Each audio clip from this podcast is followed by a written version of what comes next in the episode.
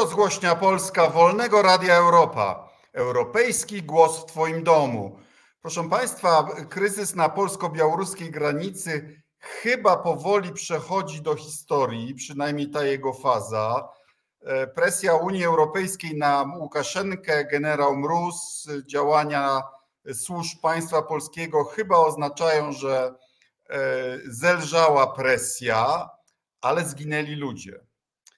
I to jest coś, o czym chcę porozmawiać z gościem, który wie najwięcej o tym, co się dzieje, także z punktu widzenia migrantów. Pan Jakub Sypiański jest koordynatorem zespołu tłumaczy w grupie Zagranica. Serdecznie witam. Dzień dobry panie ministrze, witam wszystkich. Przypominam, że można zarówno mnie, jak i gościowi na Facebooku zadawać pytania. E, a panie Jakubie, proszę powiedzieć, czym się zajmuje, jak powstała grupa Zagranica?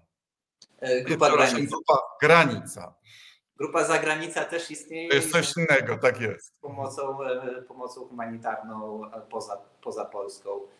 A my właśnie znaleźliśmy się w nietypowej sytuacji, kiedy pomoc humanitarna musi być niesiona wewnątrz granic Polski. I dla wszystkich to była nowa rzeczywistość dla wszystkich organizacji, które złożyły się na e, tę koalicję, która powstała latem tego roku i która nazywa się Grupa Granica. To była dla nas wszystkich nowa sytuacja, że musimy przejść e, z udzielania porad prawnych, pomocy w integracji, programów językowych do niesienia pomocy humanitarnej z termosem w plecaku, z noszami w samochodzie i do ratowania życia ludzi. To jest, e, e, to jest piekło, które zgotował nam Łukaszenko na, polsko, na białorusko-polskiej granicy i w które to piekło e, nasz rząd dołożył swoje duże trzy grosze.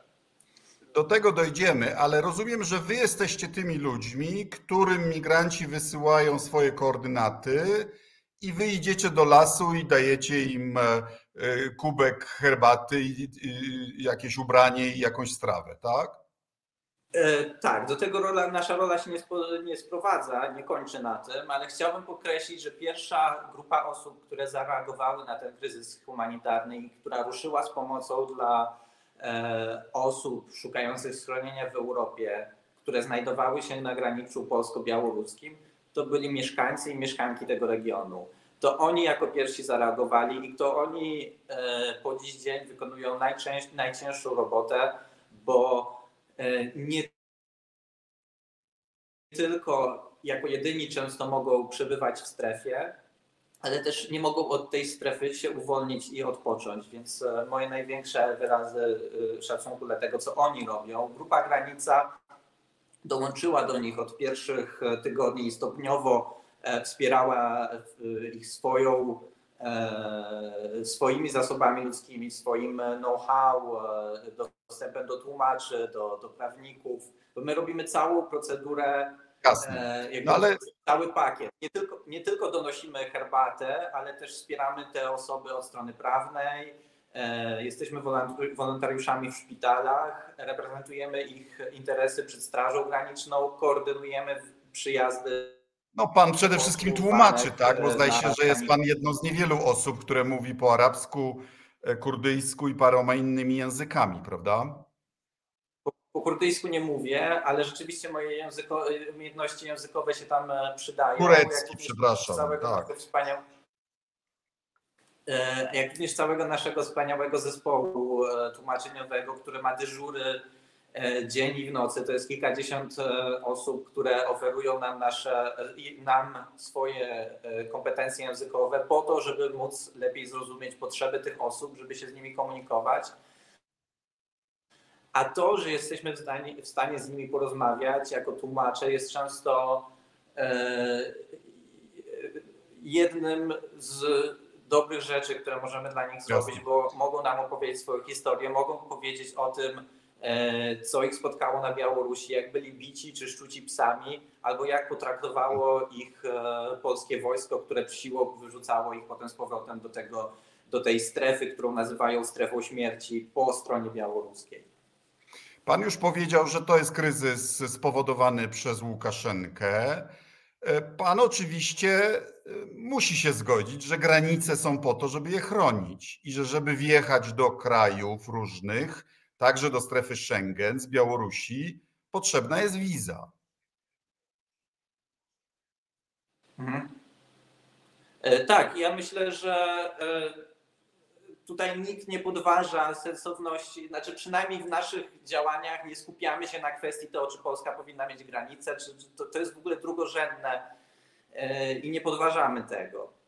E, Przynajmniej, a jeśli ktoś podważa, to to nie jest na, to, to, są, to, to, są, to, są, to, to, to są pojedyncze przypadki.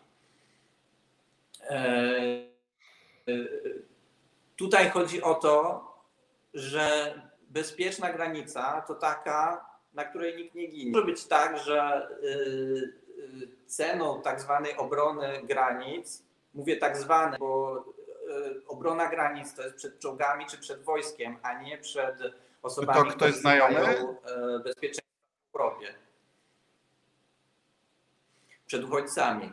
E, Nie czuję, że polskie państwo mnie broni przed tymi ludźmi, którzy są nieuzbrojonymi rodzinami z dziećmi, więc ja trochę nie mam w sobie zgody na tę retorykę e, obrony granic. Jakkolwiek samych granic nie, pod, nie, nie, nie podważam osobiście i też uznaję, że to jest ważna granica strefy, całej strefy Schengen. Wedle Waszych informacji, ile osób zginęło do tej pory? E, Jest to około 14 osób. Wczoraj mieliśmy niestety bardzo tragiczny przypadek e, e, pani Awin ze szpitala e, w Hajnówce, która e, osierociła pięcioro dzieci, które są teraz na placówce Straży Granicznej albo w ośrodku dla cudzoziemców, nie pamiętam w tej chwili. Jaka według Państwa jest sytuacja prawna? To znaczy, ja rozumiem, że ust- uchwalono ustawę, która legalizuje tak zwane pushbacki. Gdy mówimy o pushbacku, to co mamy na myśli? Że ludzie, czy to ze szpitala, czy z lasu, są doprowadzeni do granicy polsko-białoruskiej, tak? I przerzucani z powrotem na stronę białoruską, nawet jeśli tam nie, nie są odbierani przez nikogo, tak? Mhm. Problem polega na tym, że e, e, Pi- PiS czy Zjednoczona Prawica próbują wymyślić koło na nowo i przy okazji dodać do niego jakieś kolce, które, które rażą e, osoby, osoby wokół. Bo wymyślają koło na nowo, na nowo, bo polskie państwo ma już procedury na takie sytuacje, mamy prawo i e, wystarczy tego prawa i procedur przestrzegać. My mamy, co powinno jako co powinno się dziać konwencji genetycznej. Według, co według Pana powinno się dziać, a co się dzieje? Jako sygnatariusze konwencji genewskiej mamy obowiązek przyjąć każdy wniosek azylowy, jaki jest złożony na naszym terytorium. I konwencja genewska ma tę ogromną mądrość, że przewidziała sytuacje, w których uchodźcy wojenni, osoby uciekające w popłochu przed prześladowaniami, mogą, powinny móc złożyć ten wniosek, niezależnie od tego, jakie mają przy sobie dokumenty, bo nie zawsze mogą je ze sobą wziąć i w jaki sposób przekraczają granice. Więc to jest dru- Chociaż- chociaż zgadzamy kwestia, się, że przekroczenie- granicę w sposób tak zwany legalny, czy nie. Dobra, ale zgadzamy się, że przekroczenie Tak. granicy bez wizy jest przestępstwem, prawda? Y, Nie w przypadku, kiedy zgłasza się wniosek azylowy. Okej. No to co powinno się wtedy stać? Halo?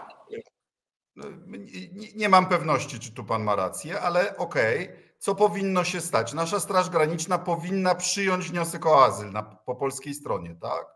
Ale co pan na argument, że wielu z tych E- ludzi nie chce składać wniosek o azyl, tylko chce jechać do Niemiec? Ja rozumiem ten argument. E, Wnioski azylowe, te, które wejdą, po kolei odpowiem na pytania, te, które zostaną złożone, należy rozpatrzyć. I osoby, które zasługują na, spełniają kryteria konwencji genewskiej, prawa europejskiego i polskiego, powinny, powinna im zostać udzielona e, ochrona uzupełniająca albo ochrona międzynarodowa. Osoby, Czyli do jakiegoś centrum, do jakiegoś centrum odosobnie takiego, no, które istnieją, prawda? Centrum dla, dla, dla uchodźców, dla obcokrajowców, prawda? Y, tak, no moim zdaniem y, nadużywamy tych zamkniętych ośrodków.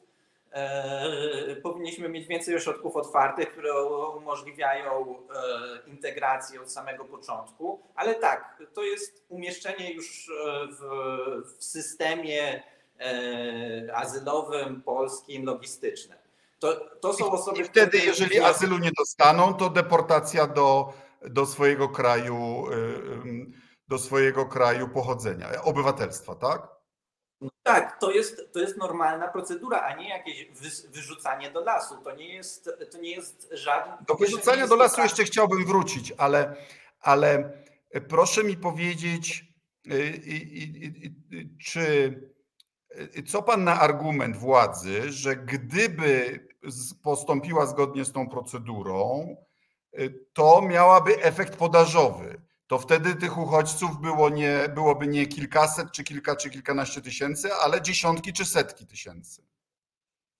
E, tak, ja rozumiem ten argument, tylko że rozwiązanie, e, rozwiązanie obecnego kryzysu e, nie polegało na tym, że my zniechęcimy osoby, które i tak już są w tym pasie śmierci, do próbowania przechodzenia na stronę polską, bo one i tak nie miały innego wyjścia, więc należało tutaj pokazać światu, Łukaszence, e, że jesteśmy poważnym państwem i państwem, które przestrzega praw człowieka i przyjąć te osoby, które już się tutaj znajdowały, a równocześnie podejmować działania dyplomatyczne na rzecz ograniczenia lotów, działania informacyjne na Bliskim Wschodzie. To, z czym Unia Europejska chciała pomóc, a z czym konsekwentnie e, e, rząd, co konsekwentnie rząd je od siebie odsuwał.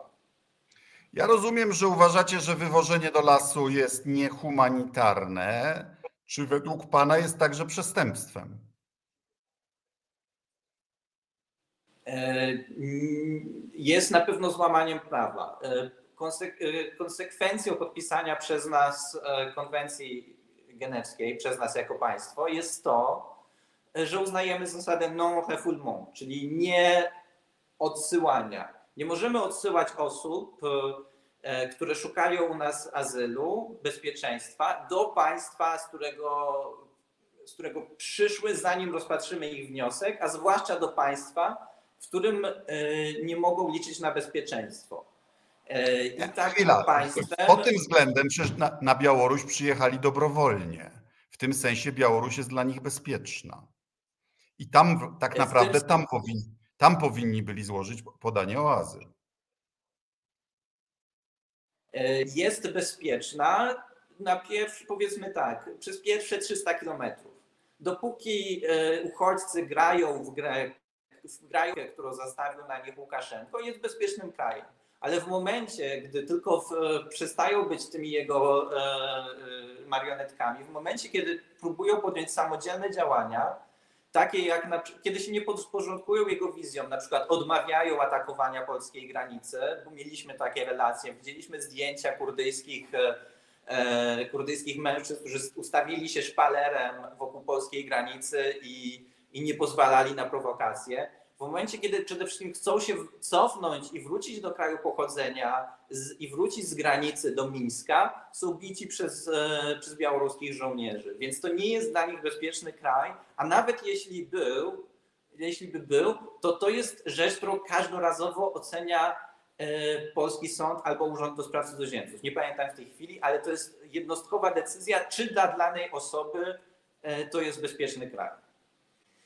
Wie pan, ja myślałem, że pan powie coś innego, więc ja to za pana powiem, bo ja do mnie docierają analizy prawne, które mówią, że po pierwsze, polska konstytucja daje prawo e, ochrony prawnej każdej osobie, niezależnie od obywatelstwa, która się znajdzie na jej terytorium. Więc takiego migranta, mówię, cytuję, e, e, można umieścić w ośrodku i można wywieźć do kraju obywatelstwa, ale nie można go na bagnach zostawić w nocy, bo to ma, to ma inną nazwę i kwalifikację prawną. Proszę? E, tak, nie jestem prawnikiem, jestem tłumaczem, ale, ale to, co się przerażającego, co się dzieje, to jest to, że takie podstawowe e, reguły prawne, czy, e, czy nawet odruchy humanitarne e, zostają wyłączane, czy, czy rząd zmusza osoby, które są przy granicy do wyłączenia tych odruchów. Na przykład dla mnie wstrząsające było, jak byłem jeszcze w Usnarzu, kiedy nie dopuszczono lekarzy, lekarki e, do afgańskich uchodźców, którzy, którzy tam przebywali. To, to, był dla mnie, to był dla mnie taki pierwszy okropny szok, jaki przeżyłem. Ja myślę, że kłopot mogą mieć niektórzy funkcjonariusze Straży Granicznej, bo po pierwsze, pushbacki miały miejsce przed uchwaleniem ustawy, a nawet po uchwaleniu ustawy, ustawa nie wyłącza konstytucji i nie wyłącza prawa międzynarodowego.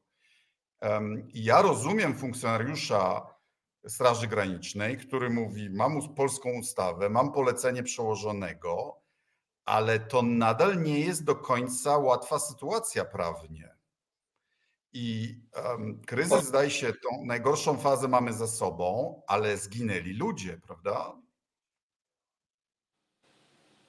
E, ja myślę, że e, to było dla mnie też ogromnym szokiem i było przerażające, jak sobie uświadomiłem, że mimo, że mimo wszystkich zasad prawnych i wiedzy o tym, że te działania są nielegalne, niektórzy strażnicy wybierają rozkaz bezpośredniego przełożonego ponad, e, ponad prawo i ponad, ponad moralność. Nie mówię tutaj o wszystkich strażnikach granicznych, ale. Ja myślę, że wie, większość działała w dobrej wierze. No, jest atak na granicę, bronimy naszej granicy.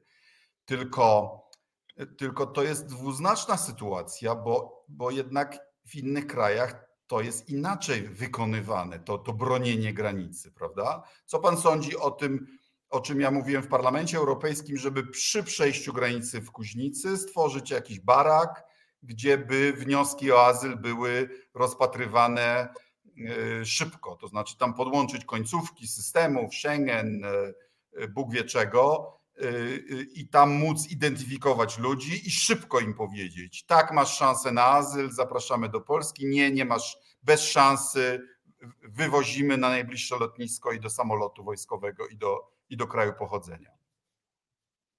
E, ja wiem, że te pomysły są dyskutowane i również przez przedstawicieli międzynarodowych organizacji e, pomocowych. I Unia Europejska ma taki system wspierania procedur azylowych, e, chyba obejmujący tego typu hotspoty. Natomiast są dwa poważne problemy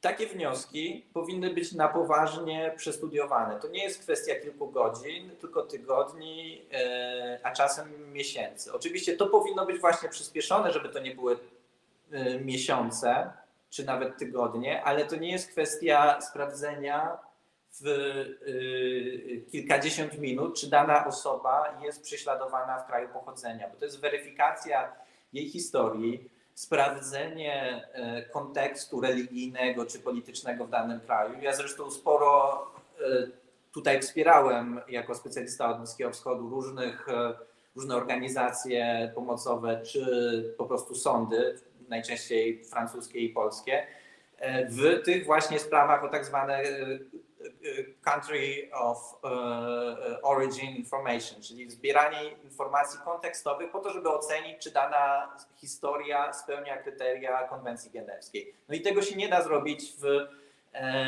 w, w kilkanaście minut czy kilka godzin. A po drugie, Łukaszenko nie dopuszcza uchodźców do oficjalnych przejść granicznych. Aha. Gdy próbowali zmierzać do miejsc, do przejść granicznych, to opowiadali nam, że byli przekierowywani w kierunku lasu. Nawet Aha. kiedy zmierzali do Kuźnicy w połowie, w połowie listopada, to białoruskie wojsko próbowało ich odsunąć, znaczy chciało, żeby byli zgrupowani przy polskiej granicy, ale nie na tym oficjalnym przejściu. Więc oni cały czas przez to, że są cały czas więźniami, zakładnikami e, machinacji Łukaszenki, nie mogą skorzystać z niektórych opcji, które byśmy im zaoferowa- zaoferowali, nawet Mhm. gdyby rząd polski e, byłby tymi opcjami zainteresowany, a obawiam się, że te hotspoty by ich nie zainteresowały, bo nasz rząd prowadzi po prostu politykę antyuchodźczą. To nie jest polityka po prostu dążąca do rozwiązania sytuacji, do znalezienia jakichś punktów wspólnych, logistycznego e, i prawnego ogarnięcia tego chaosu, tego piekła, tylko e, stosuje rozwiązania po takie, które mają jak najbardziej zaboleć osoby migrujące i pokazać e, tą si- silną rzekomą rękę. Ja mówię, To się podoba, a jak pan wie, to się podoba, to, to się podoba w części elektoratu. Znaczy, the pain is the point. Znaczy, okrucieństwo jest celem, a nie skutkiem ubocznym. Jaka jest najbardziej drastyczna e, historia, którą pan sam widział? E, To są najczęściej historie, o których e, słyszę ja, jako tłumacz, które mi opowiadają ludzie. Przecież to są bardzo różne historie z krajów pochodzenia, bo e, spotykam ludzi, którzy uciekają od najgo, naj, najgorszych i najbardziej zróżnicowanych możliwych problemów, e, jakie mają. E, Czy to przed tak zwanym państwem islamskim, czy to przed wojną Syrii, czy to na przykład uchodźcy palestyńscy, którzy przez kilkadziesiąt lat już są uchodźcami. I gdzie nie spojrzeć na mapę Bliskiego Wschodu, to tutaj w tych podlaskich lasach kogoś spotykam. Chrześcijanie, którzy, którzy, którzy szukają schronienia, e, jazydzi, jezydzi, którzy e, uciekli spod masakry państwa islamskiego. No ale pan prezydent powiedział, że to, że to wszystko zamożni ludzie.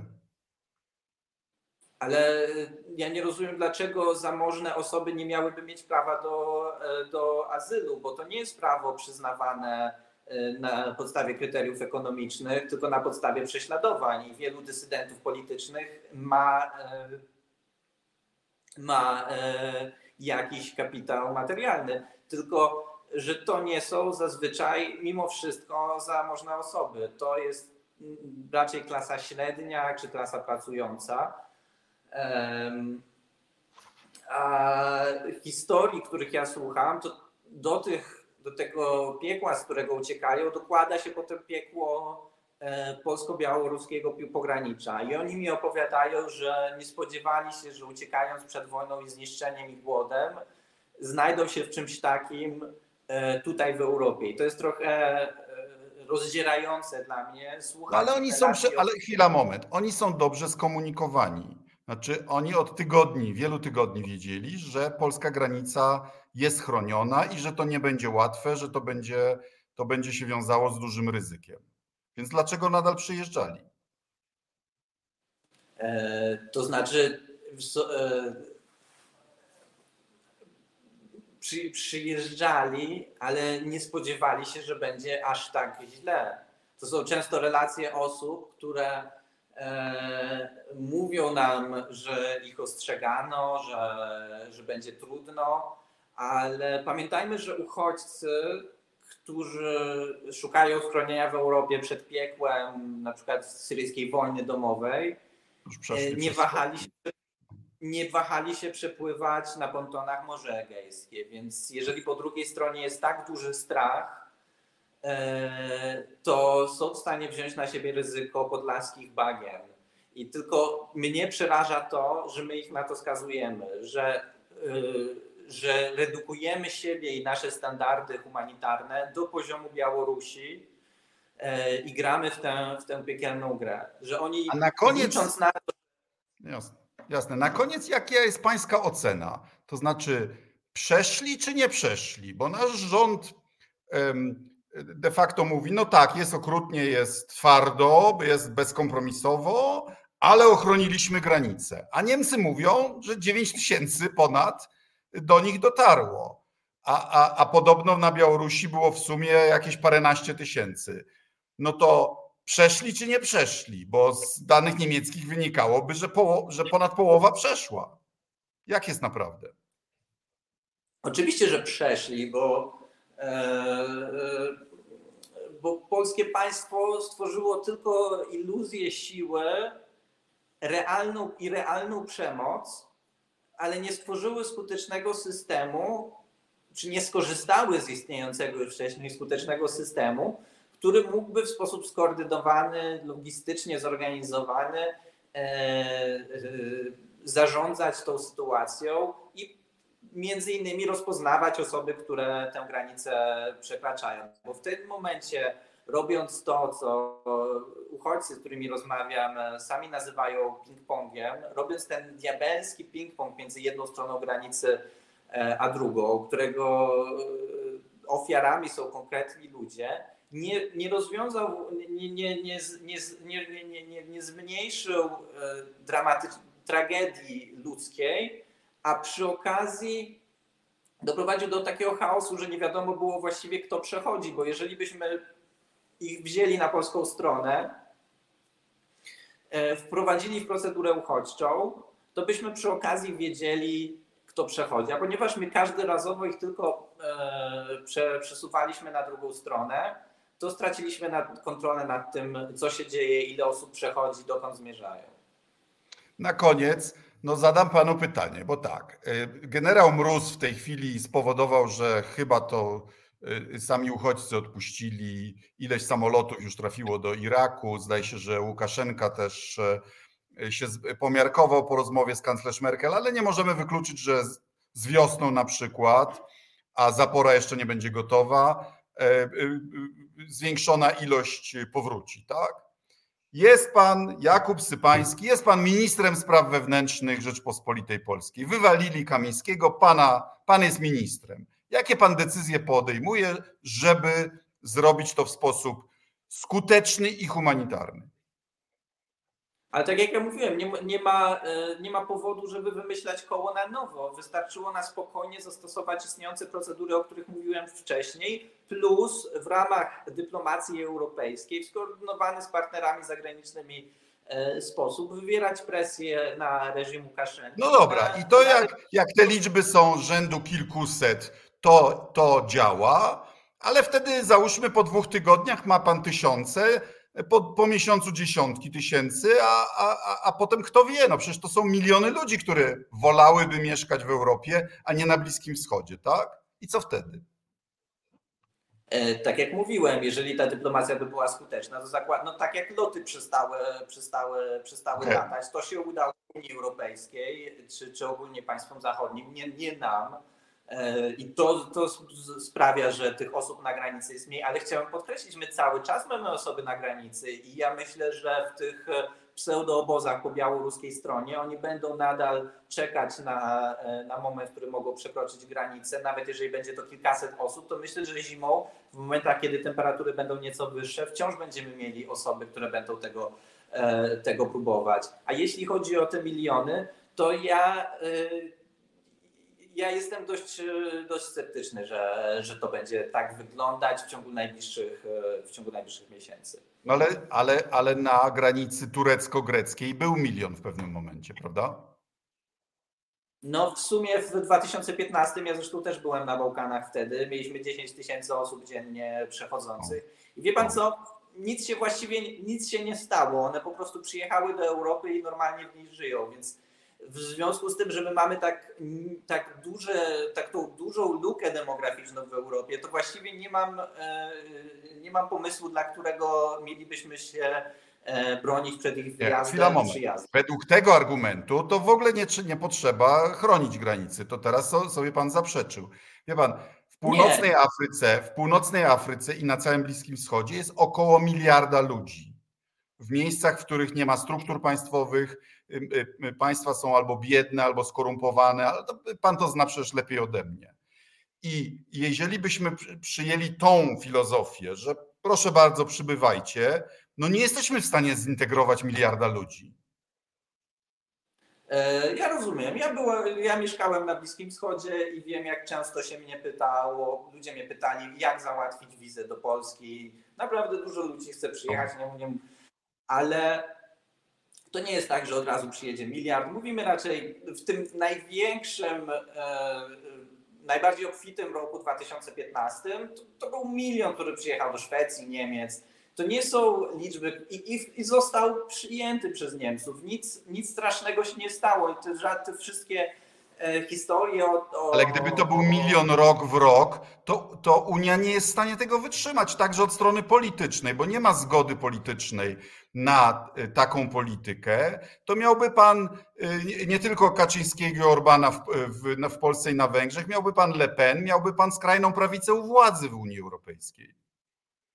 E, no ja myślę, że to jest oczywiście e, odpowiedzialność e, polityków, żeby stosować inny dyskurs wobec, wobec uchodźców, że to nie jest zagrożenie i w, o, alternatywą i, i zaporą do tego dyskursu antyhumanitarnego, antyuchodźczego e, powinien być wyraźny sygnał polityków, którzy są nie tylko realizatorami e, woli ludu, ale też jakimiś autorytetami, autorytetami społecznymi, że inna polityka jest możliwa i że ci ludzie nie są zagrożeniem. Bo jeżeli słyszą od, od skrajnej prawicy, że, że ci ludzie są zagrożeniem, a potem e, nikt tego poza nie, niektórymi partiami nie, nie, nie, nie, nie, nie, nie kontruje, no to ten, ten dyskurs się przyjmuje. Dobra, ja rozumiem, ale, ludzie się okay, ale przyzna pan, i to już widzimy w Polsce po prostu, że łatwiej się integrują y, Ukraińcy czy Białorusini niż Kurdowie, Czeczeni czy Afgańczycy.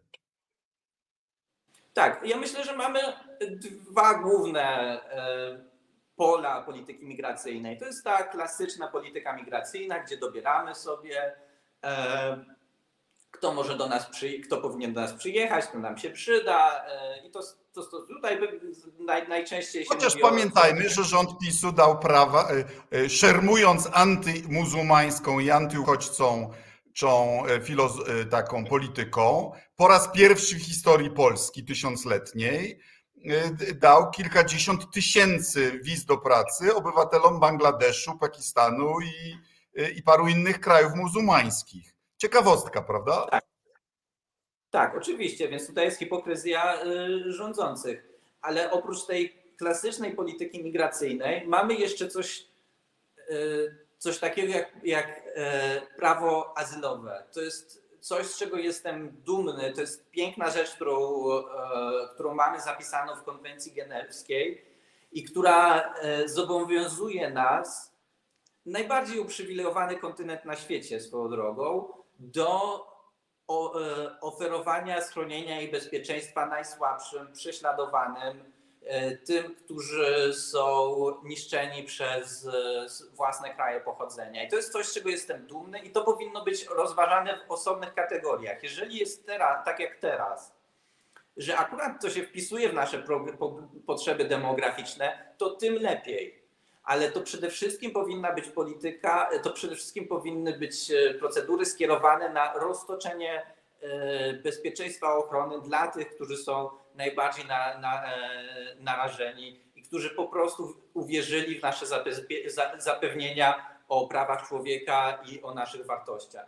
I tutaj też mam duże e, wyrzuty do, e, do PiSu, do Zjednoczonej Prawicy, do, do tych, którzy nami teraz rządzą, że oni ten dyskurs, że oni te nasze wartości niszczą i przez to wpadają w pułapkę, którą za, e, zestawił na nich Łukaszenko. Bo to nie była e, ze strony Łukaszenki kampania nastawiona na to, żeby fizycznie przetransportować ludzi e, do Europy, bo on sobie zdaje sprawę, tak samo jak pan sobie zdaje i ja sobie sprawę, że to nie są ludzie, którzy jak tylko przeniesie się ich do Europy, to zaczną robić problemy. To nie chodziło o fizyczne przeniesienie ich, tylko o sianie zamętu, e, zaostrzenie dyskursu politycznego i podważenie e, naszej opowieści o prawach człowieka. Rok po tym, kiedy Jasne. nasza e, reakcja na właściwie wewnętrzny zamach stanu w, w Mińsku nie, i, i sfałszowanie wyborów przez Łukaszenkę, gdy nasza reakcja była oparta na dyskursie o prawach człowieka, to on teraz, Łukaszenko, skutecznie ten dyskurs podważył. I to jest, y, tu jest pułapka, w którą, którą, w którą Polska wpadła. Tylko wie pan, każda polityka musi być poparcie społeczne, a ja myślę, że tym argumentem pan nie- pomógł w swojej sprawie. Znaczy hu- humanitaryzm raz, a przyjmowanie milionów dwa. Wie pan, jestem ostatni, któremu trochę wypada krytykować konwencję genewską, bo sam z niej skorzystałem w czasie, gdy to my, tak jak wiele pokoleń Polaków, korzystaliśmy z prawa do azylu. Ja otrzymałem azyl w Wielkiej Brytanii w 1982 roku. Tylko chcę panu uświadomić, tych, tych z nas y, y, szeroko porozumianego obozu Solidarności w Wielkiej Brytanii, którzy dostali ten azyl, to było 400 osób. Liczby mają znaczenie. Jesteśmy w stanie przyjąć setki, nawet tysiące, ale moim zdaniem nie jesteśmy w stanie przyjąć setek tysięcy czy milionów. I konwencja genewska o tyle nie przystaje do współczesnych czasów, że ona była zaprojektowana właśnie na te, na te, na te niskie y, liczby. W świecie w latach 50., w którym y, y, no, gęstość podróżowania była znacznie mniejsza, prawda? I z mojego punktu widzenia dzisiejszego jako polityka polega na tym, że setki milionów ludzi ma autentyczne prawo do azylu, bo tyle złego się dzieje na świecie. Ale nasza zdolność absorpcyjna jest ograniczona. Zdaje się, że się w tej sprawie nie zgodzimy, e, ale dziękuję panu za naświetlenie sytuacji humanitarnej y, na granicy. Myślę, że nasze władze teraz dostały chwilę oddechu, powinny znacznie lepiej się przygotować do kolejnych wyzwań, które na, na, na, na naszej granicy niewątpliwie się pojawią. Y, Dziękuję panu y, za rozmowę. Mam nadzieję, że y, jeśli udało się y, uratować życie ludzkie, to to na pewno jest y, zapisane jako dobry uczynek. Dziękuję serdecznie za Dziękuję. rozmowę. Do widzenia. Do widzenia.